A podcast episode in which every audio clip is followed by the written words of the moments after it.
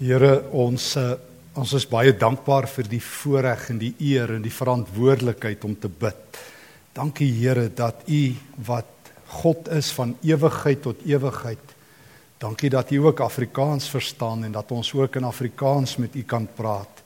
U die Here van al die tale, die Here van alle lewe.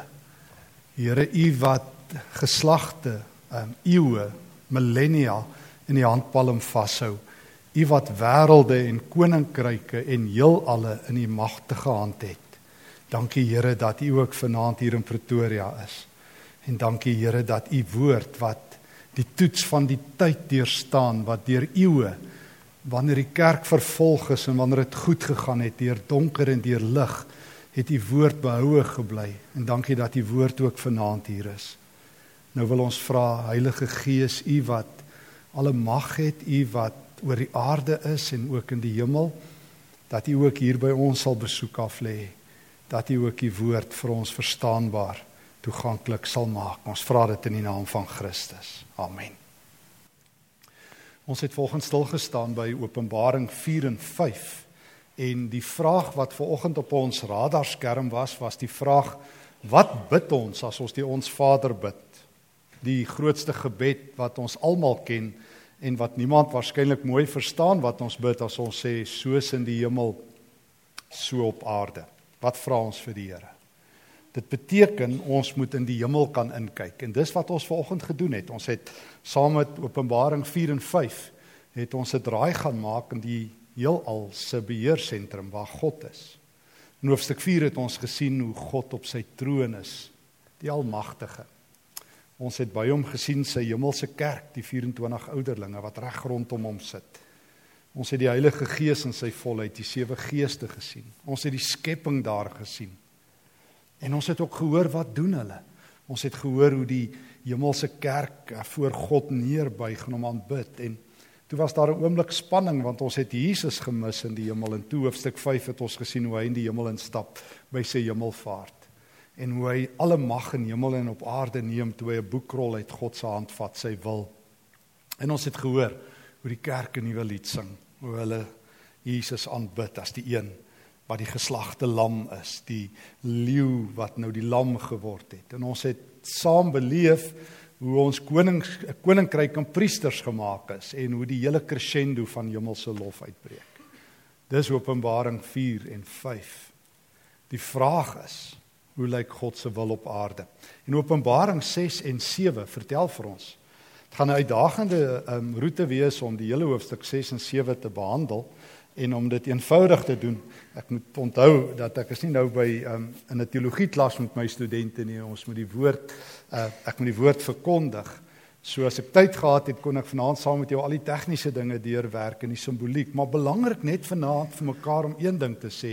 Een van die groot dilemma's met God se woord is dat meeste mense God se woord ehm um, ek weet nie wat se Afrikaanse woord nie, random rondom bond lees. Mense voel hier's 'n stukkie skrif en dan spreek dit hulle aan en woeps dan gryp hulle dit. Die Amerikaners praat van 'n piecemeal theory. Jy vat wat vir jou werk en jy los die res. En almal dink alle Bybeltekste lê in een of ander oond en wag, jy moet hom net vat. En dan vat jy hierdie teks en daai teks en jy knoop hulle sterk aan mekaar, nou het jy dit. Dis interessant geliefdes dat die enkele reël van lees wat ons almal ken, min mense op die Bybel toepas. Ek meen die eerste ding wat jy doen as jy 'n boek optel, dan weet jy jy moet by bladsy 1 begin en jy moet lees tot by die einde as jy nie die storie verstaan nie. Jy kan maar Wilbur Smith se nuwe boek koop, maar jy gaan nie op bladsy 200 begin lees en volgende week bladsy 70 en die week daarna bladsy 300. Dan sê jy ons vir hoe's daai boek sê, dit is 'n indrukwekkende boek. Ek weet nie wat aangaan nie, maar dit is baie indrukwekkend. Dis wat meeste mense met die Bybel doen. Hulle lees die Bybel random. Die grootste hulpmiddel wat daar ooit gemaak is vir die Bybel het die dood in die pot beteken.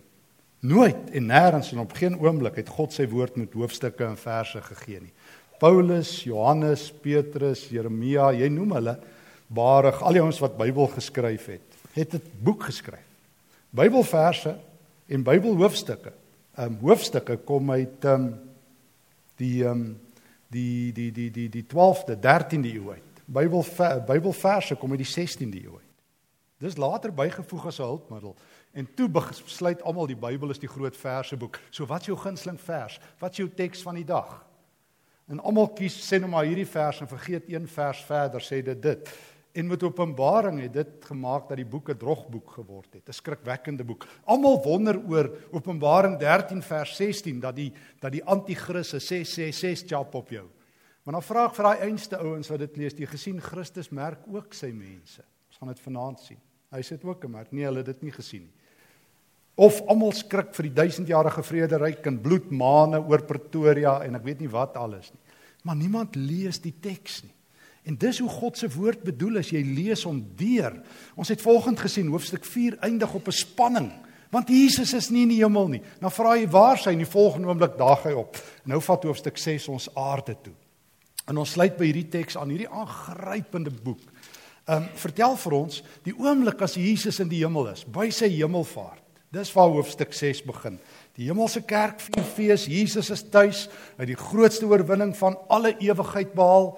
Hy is in die beheersentrum van die heelal. Nou maak hy God se wil oop.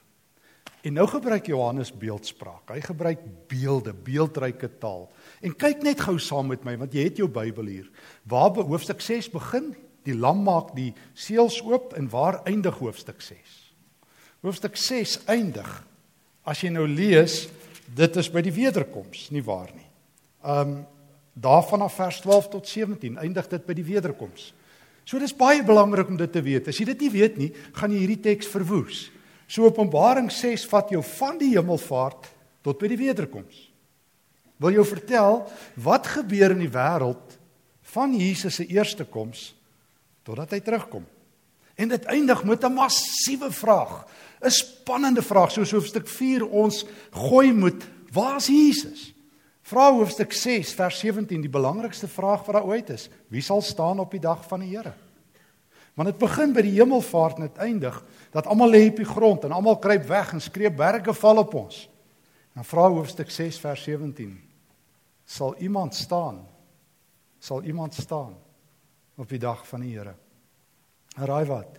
Nou moet jy aanhou lees. Want dis hoe God sy woord gegee het, behalwe dat die kerk dit nie altyd so lees nie. Nou moet jy hoofstuk 7 lees. Want hoofstuk 7 antwoord die vraag: Wie sal staan op die dag van die Here? Dan vat hoofstuk 7 jou weer terug tot by Jesus se hemelvaart by sy aardse kerk, dan vat hy jou al die pad tot by die wederkoms. En aan die ander kant.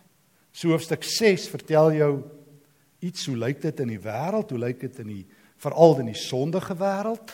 In hoofstuk 7 vertel jou Wat doen God met gelowiges? Gaan ons dit maak? Gaan ons staan? En antwoord die vraag of ons kan staan en vat ons tot by die tot by ons huis in die hemel vir altyd. Kom ons gaan kyk. Hoofstuk 6 vertel vir ons Jesus maak die seels oop. En ek het, ek gaan nou nie in detail elke seël bespreek nie want dan gaan dit ons die hele aand besig hou. Maar ons sien hy maak 'n wit perd oop, hoofstuk 6 vers 2. Onthou nou Jesus sit in die hemel. Hy het alle mag. Hy beheer die aarde. Hy laat 'n ruiter op 'n wit perd los. Moenie hierdie ruiter verwar as jy die Bybel ken. Hoop so. Openbaring 19 met Jesus nie. Want Jesus is in hoofstuk 19 die ruiter op die wit perd. Ons almal sing daai lied van die ruiter op die wit perd. Maar hierdie ruiter het 'n pyl en boog. Jesus het altyd 'n swaard. En Jesus laat hierdie ruiter los. Dis dwaalleer. Dis dwaalleer. Dit het die vroeë kerk nog altyd verstaan. Die Satan, het jy al agtergekom as hy na jou toe kom?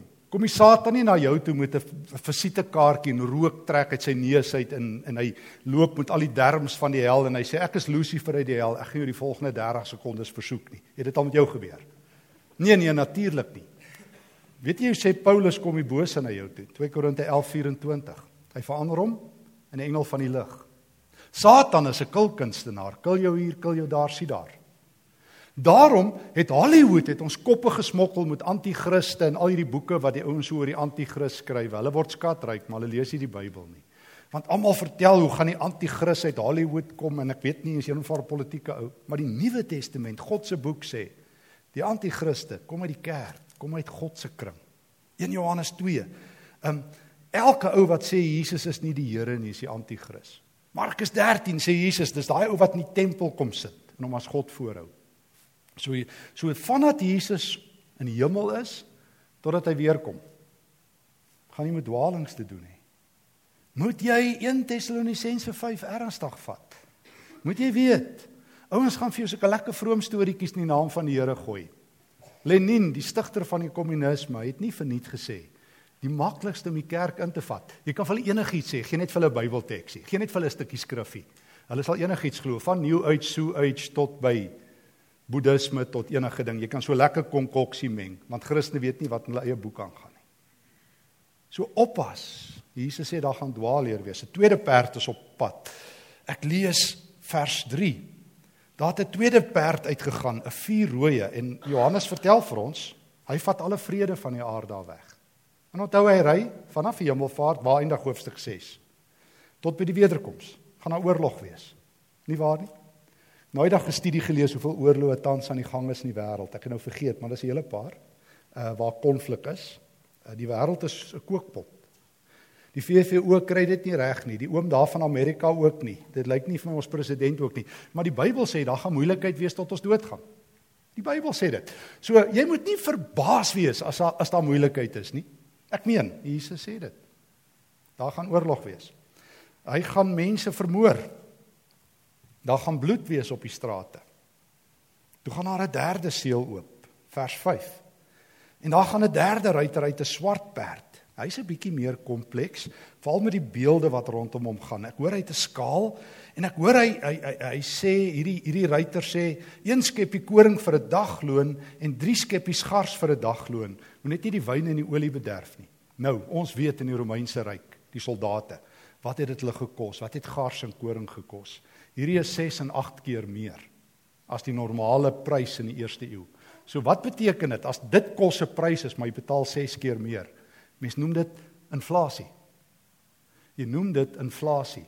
So as hierdie derde ruiter losgelaat word tussen die hemelvaart en die wederkoms, raak dinge net duurder. Die rykes raak ryker, die armes armer.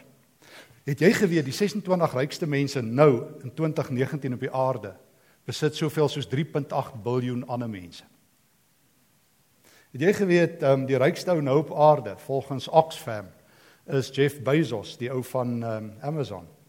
Hy word op 112 miljard dollar gereken.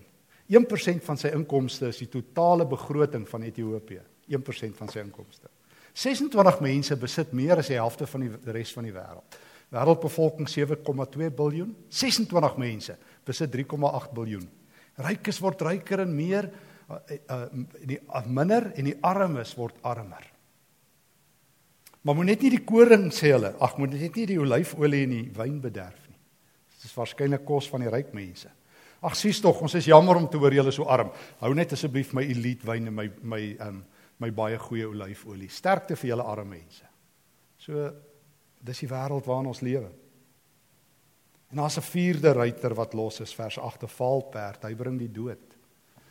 So vriende, weet jy wat sê God se woord? Dis 'n dis wat die Hollanders noem 'n reality check. Weet jy wat gaan gebeur terwyl ons hier op aarde is? Weet jy wat gaan altyd hier wees? Dwaallering. Daar gaan altyd ouens wees wat die evangelie draai, uit geld maak daaruit, hulle self bevoordeel.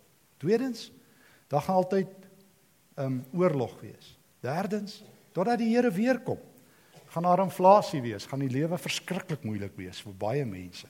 En vierdens, gaan daar dood wees. Dis die realiteit. Lewe is hard. En as jy nie daarmee vrede maak nie, God se woord vertel dit vir jou. So as jy gedink het die Here skuld jou 'n lekker lewe in Lala land, ehm um, dis nie waarvoor die evangelie hier is nie. En dan ewe skielik gaan 'n vyfde seël oop en Johannes gaan gou hemel toe. Want dis hoe Openbaring loop. Tussen die eerste koms en die tweede koms, tussen die aarde en die hemel. En dan gaan hy in die vyfde seël, is hy weer terug in die hemel. En dis 'n dis 'n aangrypende toneel. Hy sien 'n klompie mense wat doodgemaak is. Dis al die gelowiges tegnies want Johannes beskou alle gelowiges as martelare. Nie nou tyd om vir jou die die teorie agter dit te verduidelik nie, maar hy dink alle Christene wat sterf, sterf eintlik as 'n martelaar. Want eintlik moet jy lewe tot in ewigheid en alle Christene sterf omdat hulle getrou is. En dan sit hulle daar in die hemel vers 10 en vra hulle Here, hoe lank nog moet hierdie goeters aanhou op aarde?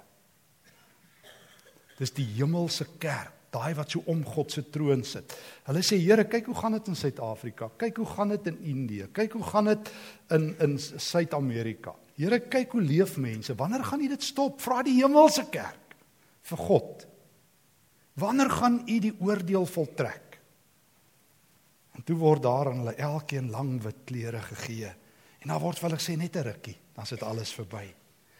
Dan's al die gelowiges hier is, dan sit alles verby. So kantlyn opmerking.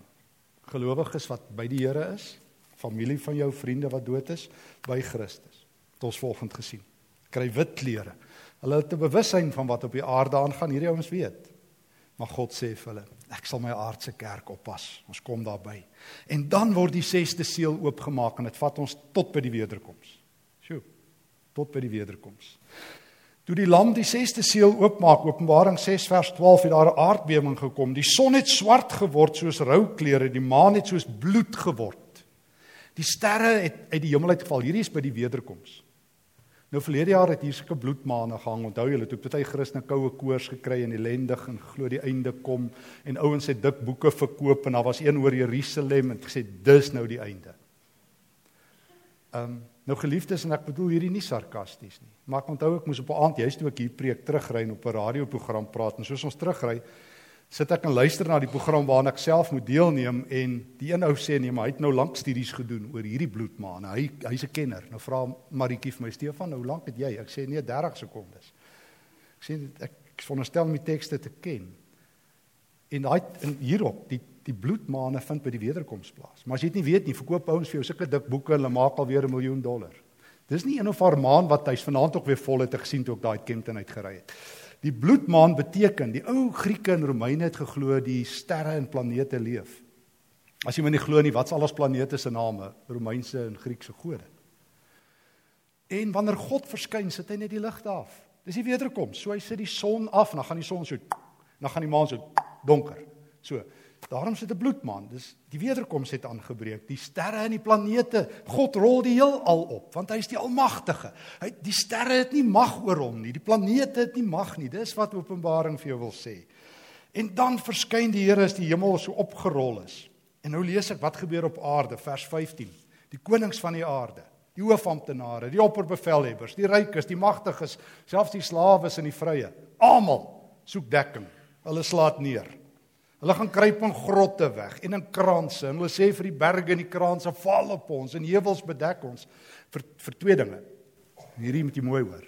O van hom wat op die troon sit en die woede van die lam. Jy ken nie vir Jesus as kwaai nie. Nie eintlik nie. Maar op die laaste dag op die laaste dag lê mense op die grond en hulle sê Here kan nie na u oë kyk nie. Hom wat op die troon sit wat ons in hoofstuk 4 gesien het. Berge val op ons, steek ons weg vir Jesus. Nou en dan die groot vraag van hoofstuk 6. Die groot dag waarop die oordeel voltrek het aangebreek. Wie sal staande bly? So ek en jy is van die hemelvaart tot die wederkoms in een hoofstuk. Ek sien hierdie ruiters ry. Ek hoor die hemelse kerk en ek is by die wederkoms. Die dag van die Here. Die dag waaroor die Ou Testamentiese profete vertel het, die dag wat brand, wat Maleagi sê, die dag wat soos 'n vuuroond is en dis inderdaad so. En ewe skielik sien die wêreld vir God en hulle lê. En uiteindelik moet 'n geweldige vraag hierdie hoofstuk. Kan iemand staan? Net soos hoofstuk 4 geëindig het met die vraag: Waar is Jesus? Kom hoofstuk 6 en vra: gaan jy op die dag van die Here staan? Vriende, dis nogal 'n vraag. Kom ons dink net gou, die wêreld het baie vrae nie waar nie. Ehm um, hoe sê die een ou, een van der groot filosoof, nee nee, sommer een van die liedjies waarna ek geluister het, wat gesê het there are more questions than answers. Nou ek het dit agtergekom as 'n dosent by die universiteit ook. Die studente, as jy met studente werk, dan weet jy jy het meer vrae as wat hulle antwoorde het. Maar dis 'n ander gesprek. Dis 'n ander gesprek. Goed. Maar feit is die lewe het baie vrae. Maar daar gaan een vraag oorbly. Regtig, hier is die laaste vraag wat oorbly. Van alle vrae waarop jy antwoorde moet hê en nie het nie. Het God een vraag wat alle mense moet antwoord, sal hy staan op die dag van die Here. Dis die die die absolute, die ultimate, die oorblywende vraag in die heelal want God beheer die heelal. Hy het nou hierdie ruiters losgelaat en hulle is besig met hulle eie vernietiging want dit is nou maar hoe die wêreld afloop. En nou is die dag van die Here hier. Hoofstuk 7.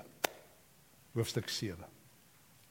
Johannes vat ons terug tot weer daar waar Jesus in die hemel in is. En hy sien 'n totaal ander toneel en vertrou my maar uh, ek ek het nie die tyd om dit uit te lê in detail nie. Maar hy sien ewe skielik, want nou is die vraag wie gaan staan? Gaan iemand kan staan? Nou sê Johannes, kom ek vertel jou net gou 'n bietjie wat gebeur met die kerk op aarde. Want ons het nou gesien vanoggend, die kerk in die hemel is by Jesus. Dis ons heimat, dis ons plek, dis ons adres. Hy het gewen. Maar maar wat van die aardse kerk? Jy en ek. O, nou stuur Jesus 'n engel.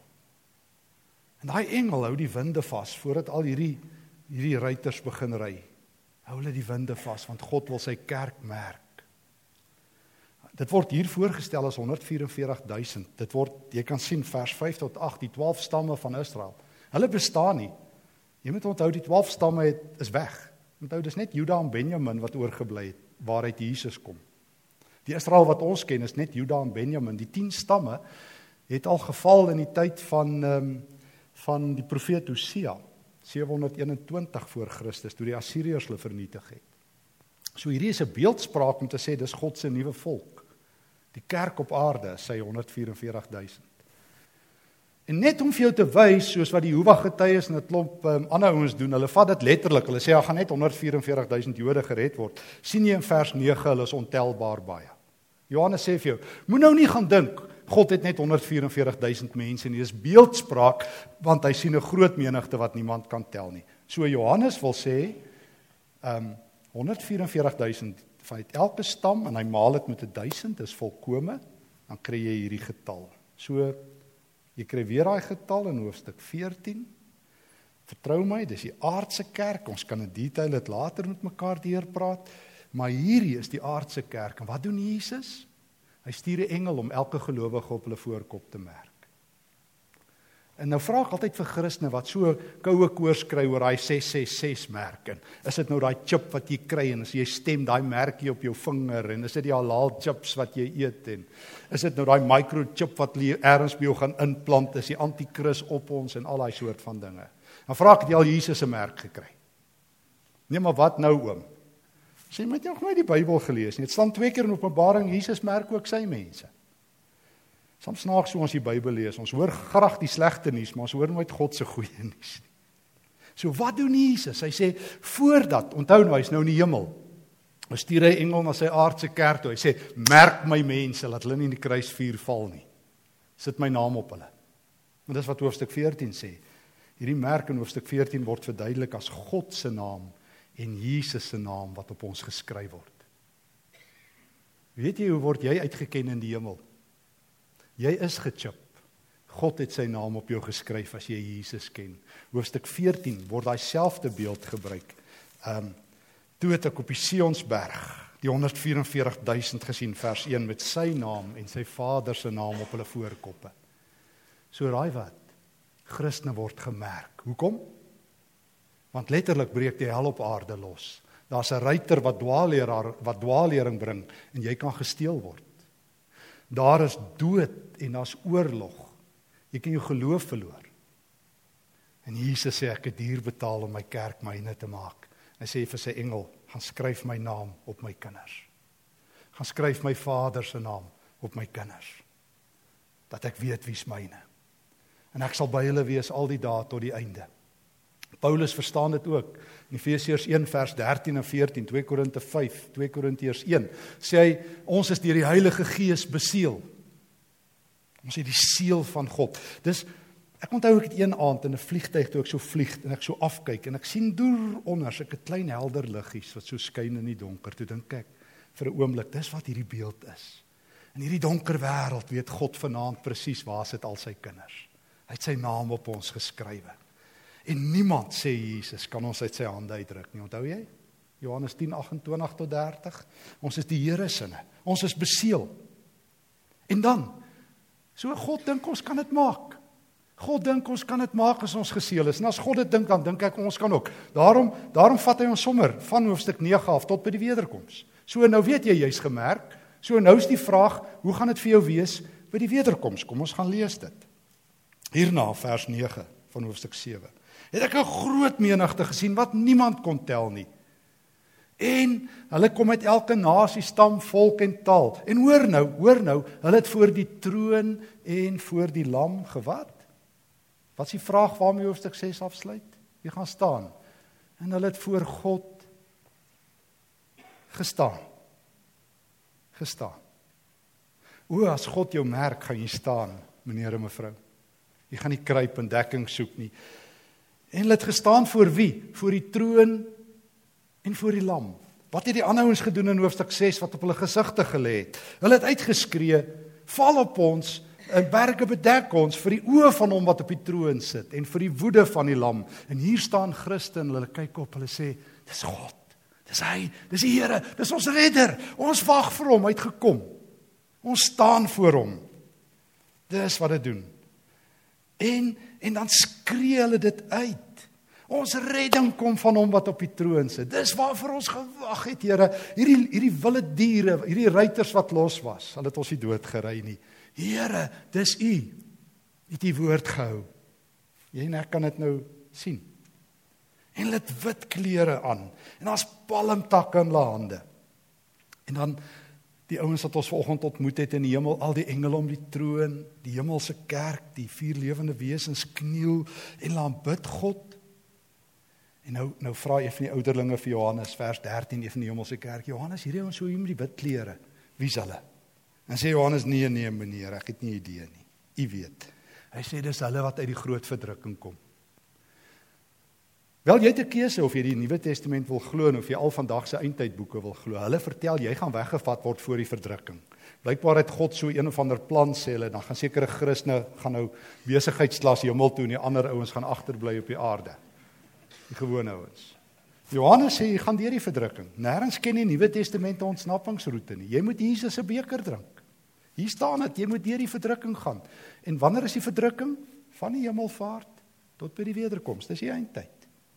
As jy net die Nuwe Testament glo en hom reg lees en moeite doen om God se woord te lees. En hulle het wit klere aan. En nou vir my die mooiste enkele beeld in die hele Nuwe Testament. Ek is liries daaroor. Dit is hulle wat hulle klere gewas het en dit wit gemaak het in die bloed van die lam. Het jy al ooit in jou lewe so beeld gehoor? Bloed is rooi. Maar as Jesus jou was, is hy wit, spierwit. En die wasmasjien van die hemel is die reinigingsmiddel, die bloed van Jesus.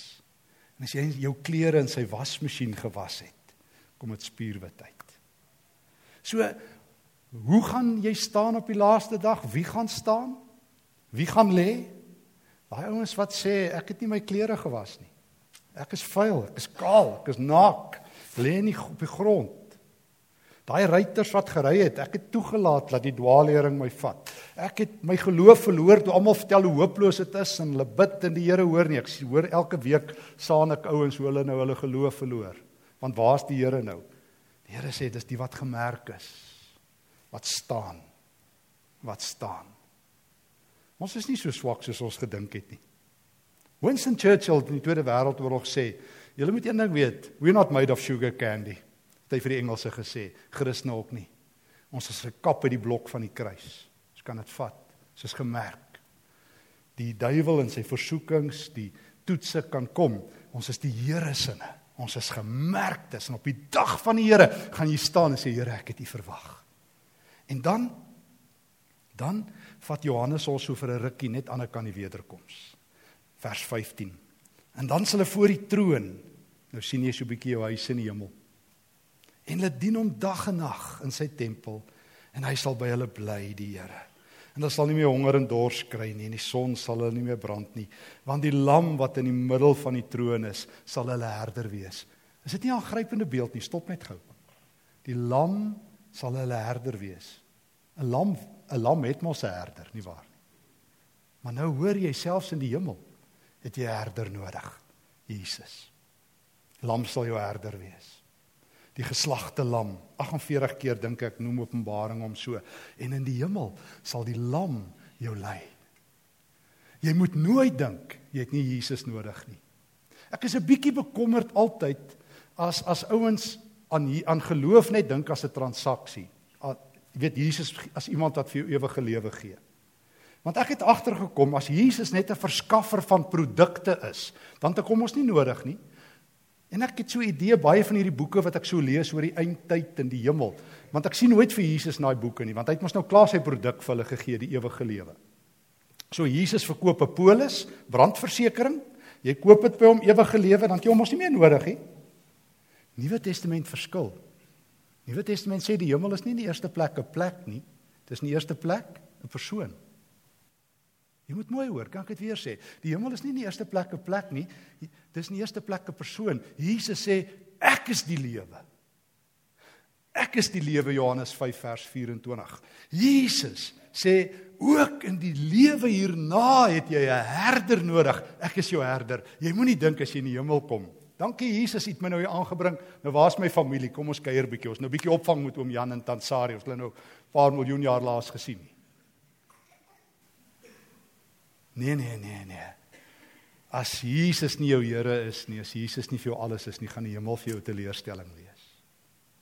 Jy gaan nie soontoe omdat jy wil veilig wees nie, jy gaan soontoe omdat Christus daar is. Jy's ook hier omdat Christus hier is. Hy is die Here van lewe en dood. En ook in die hemel het jy herder nodig. Jesus sê ek sal dit vir jou wees. Ekskuus as ek dit so sê, maar ek is nie dit geleer op skool nie. Ek gedink Jesus sterf net vir jou sondes, nou sê hy op pensioen, het ek gedink. Want nêrens te gedink nie, maar nie in Openbaring nie. Jesus werk, hy's voltyds besig. Hy merk sy kerk. Hy is saam met ons. Hy sê ek is by julle al die dae. Ek skryf julle name in my boek. Ek skryf my naam op julle voorkop en en op die laaste dag kom haal ek julle. O, dan gaan ons fees vier en ek sal julle herder wees. Ek sal julle lei. Ek sal julle lei in die hemel. Ek sal voor julle uittrek. Ek is die goeie herder. Ek het my lewe vir julle afgelê en ek sal my lewe vir julle bly gee. En ek sal julle my handpalm vashou. Want die lam wat in die middel van die troon is, sal hulle herder wees en laat die fonteine van water met lewe lei. En God sal al die trane afdroog. Ons huil aan hierdie kant. Lewe is hard. Ek het vanoggend by die tweede diens vertel van 'n oom wat na die eerste diens so oombliekie agtergebly het sê, het, "Kan ek so oombliekie met hom praat?"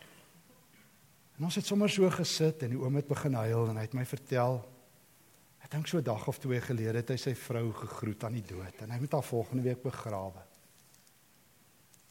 En ek onthou die hartseer, maar die vreugde. Ek het lanklaas net iemand te troos en 'n vreugde gesien terwyl ons so sit. En hy my vertel hoe die kanker haar geklop het en haar liggaam gebreek het en hulle gebid het. En hoe hy uiteindelik uitgesien het en oorgegee het en hoe hy sê toe ons vanoggend so saam deur Openbaring 4 en 5 stap, hoe hy so in die geloof kon sien hoe sy vrou daai nuwe wit klere gekry het wat Jesus gee in hoofstuk 6 vers 5 want jy kom kaal en stikkend en moeg by die hemel aan. Jy gaan sien as jy daar aankom. Jy gaan vodde wees. O maar Jesus het nuwe klere. Want hy het jou naam. Hy sien jou. Hy het sy naam op jou geskryf nie die satan se merk nie. Jy is sy gemerkte. Hy het vir jou plek. O en En jy kan saam met daai skare fees vier. En as jy dalk nog lewe by die wederkoms, dan kan jy nou reeds weet of jy die grootste vraag in die hele heelal kan antwoord. Sal ek staan op die dag van die Here? Want so waaragtig soos wat ons elkeen vanaand in hierdie gebou sit, sal dit die vraag wees wat ons in die oë moet kyk. Sal jy staan? Dis nie geklassifiseerde inligting nie. God gee dit nou al. Want hy gee nou al vir ons die toneel hoe die einde gaan wees. Hy sê vir ons hierdie is nie toegesluit in die hemel nie. Dis nie geklassifiseerde inligting nie. Dis my woord, dis oop en bloot. Ek sê vir julle, dit gaan moeilik wees tot daar. Maar hou goeie moed. Ek het die wêreld oorwin, sê Jesus. Hou goeie moed. Ek het julle name geskryf in die boek van die lewe en ek het my naam op julle voorkoppe. Julle is veilig. Ek het julle geseël. Ek sal my kerk hou. Um, Filippense 1:6. Ek sal die goeie werk klaarmaak wat ek in julle begin het. Ek gaan nie opgee op my hande werk nie. Ek het duur vir julle betaal. Ek sal saam met julle wees al die pad, die lang pad en die kort pad. As jy 'n maraton vir my moet leef op aarde, sal ek daar wees. As en as jy 100 meter moet hardloop, as jy 'n kort lewe het, sal ek saam met jou wees. Ek sal al die pad, ek het vir jou plek. Sal dit nie wonderlik wees as ons dit nou al kan uitroep? Hoofstuk 6, hoofstuk 7 vers 10, my redding. Nou al kom van hom wat op die troon sit en die lam. Want ek het in die geloof gesien vanoggend te vanaand. Hy regeer. Hy is die Heer. Alle mag gesyne. Ja ja. Die die wit perd en daai val perd, daai rooi perd, daai swart perd gaan hardloop. Maar ek is 'n beseelde van die Here. Ek is gemerk deur die koning van die heelal. En daarom het ek nuwe klere. Dit wag in die hemel, sakpas vir my gemaak deur Jesus Christus, gewas deur sy bloed. En daarom gaan ek voor God se troon staan en hom dag en nag dien. En die herder wat nou hier is, sal my lei tot daar. Sluit af. As Jesus in Johannes 10 sê hy is die goeie herder, dan sê hy ek het gekom dat jy lewe kan hê en lewe in oorvloed. Wat keer jou om 'n oorvloedige lewe vir die Here te lewe? Jy is gegraveer in die handpalm van God. Sy naam is op jou voorkop. Jou toekoms het jy vanaand gesien. Die vraag wat God gaan vra, die eksamenvraag, het jy klaar die antwoord op en jy het dit al klaar geslaag as Jesus jou Here is. Gaan lewe in die oorvloed. Sing elke dag. Ons redding kom van hom wat op die troon sit en van die lam. Al huil jy, al het jy seer, al ly jy, jy wen. Amen. Kom ons slaag vir 'n oomblik stil voor die Here. Here God, baie dankie vir die woord. Dankie dat u woord my hoop en my krag is. Here, ons kon nou vanaand vinnig loop vanaf u hemelvaart tot by die wederkoms. Here, ons het van die verlede tot ons toekoms vooruit gekyk. Here, en dit is verskriklik dat miljoene mense gaan kruip voor U, gaan wegkruip vir die woede wat gaan brand uit die hemel. Here, raak mense aan, raak mense vanaand aan, raak mense oor die wêreld aan. Laat laat mense tot inkeer, tot bekering sal kom. Here, dat mense sal staan op die dag van die Here. Gee dat ek ook 'n hart sal hê wat sal lek met liefde vir mense wat U nie ken nie. Dat ek vir hulle sal bid met hulle sal praat, hulle sal dien. Here, sodat u evangelie, u goeie nuus, u lewe sal oorspoel na baie mense wat nog in die donker is. Ruk ons donker wêreld, Here. Keer hierdie diere wat so rondhardloop, hierdie ruiters met hulle verwoesting. Here, bring 'n einde daaraan. Saam met die vroeë kerk wil ek net vanaand uitroep Maranatha. Kom, Here. Ja, kom gou. Maar ek wil saam, saam met die saam met saam met die toekomsmusiek wat ek eendag gaan sing, wil ek dit nou al sing. My redding kom van hom wat op die troon sit en van die lam. Hou die plek reg, Here. Ons is op pad. Amen.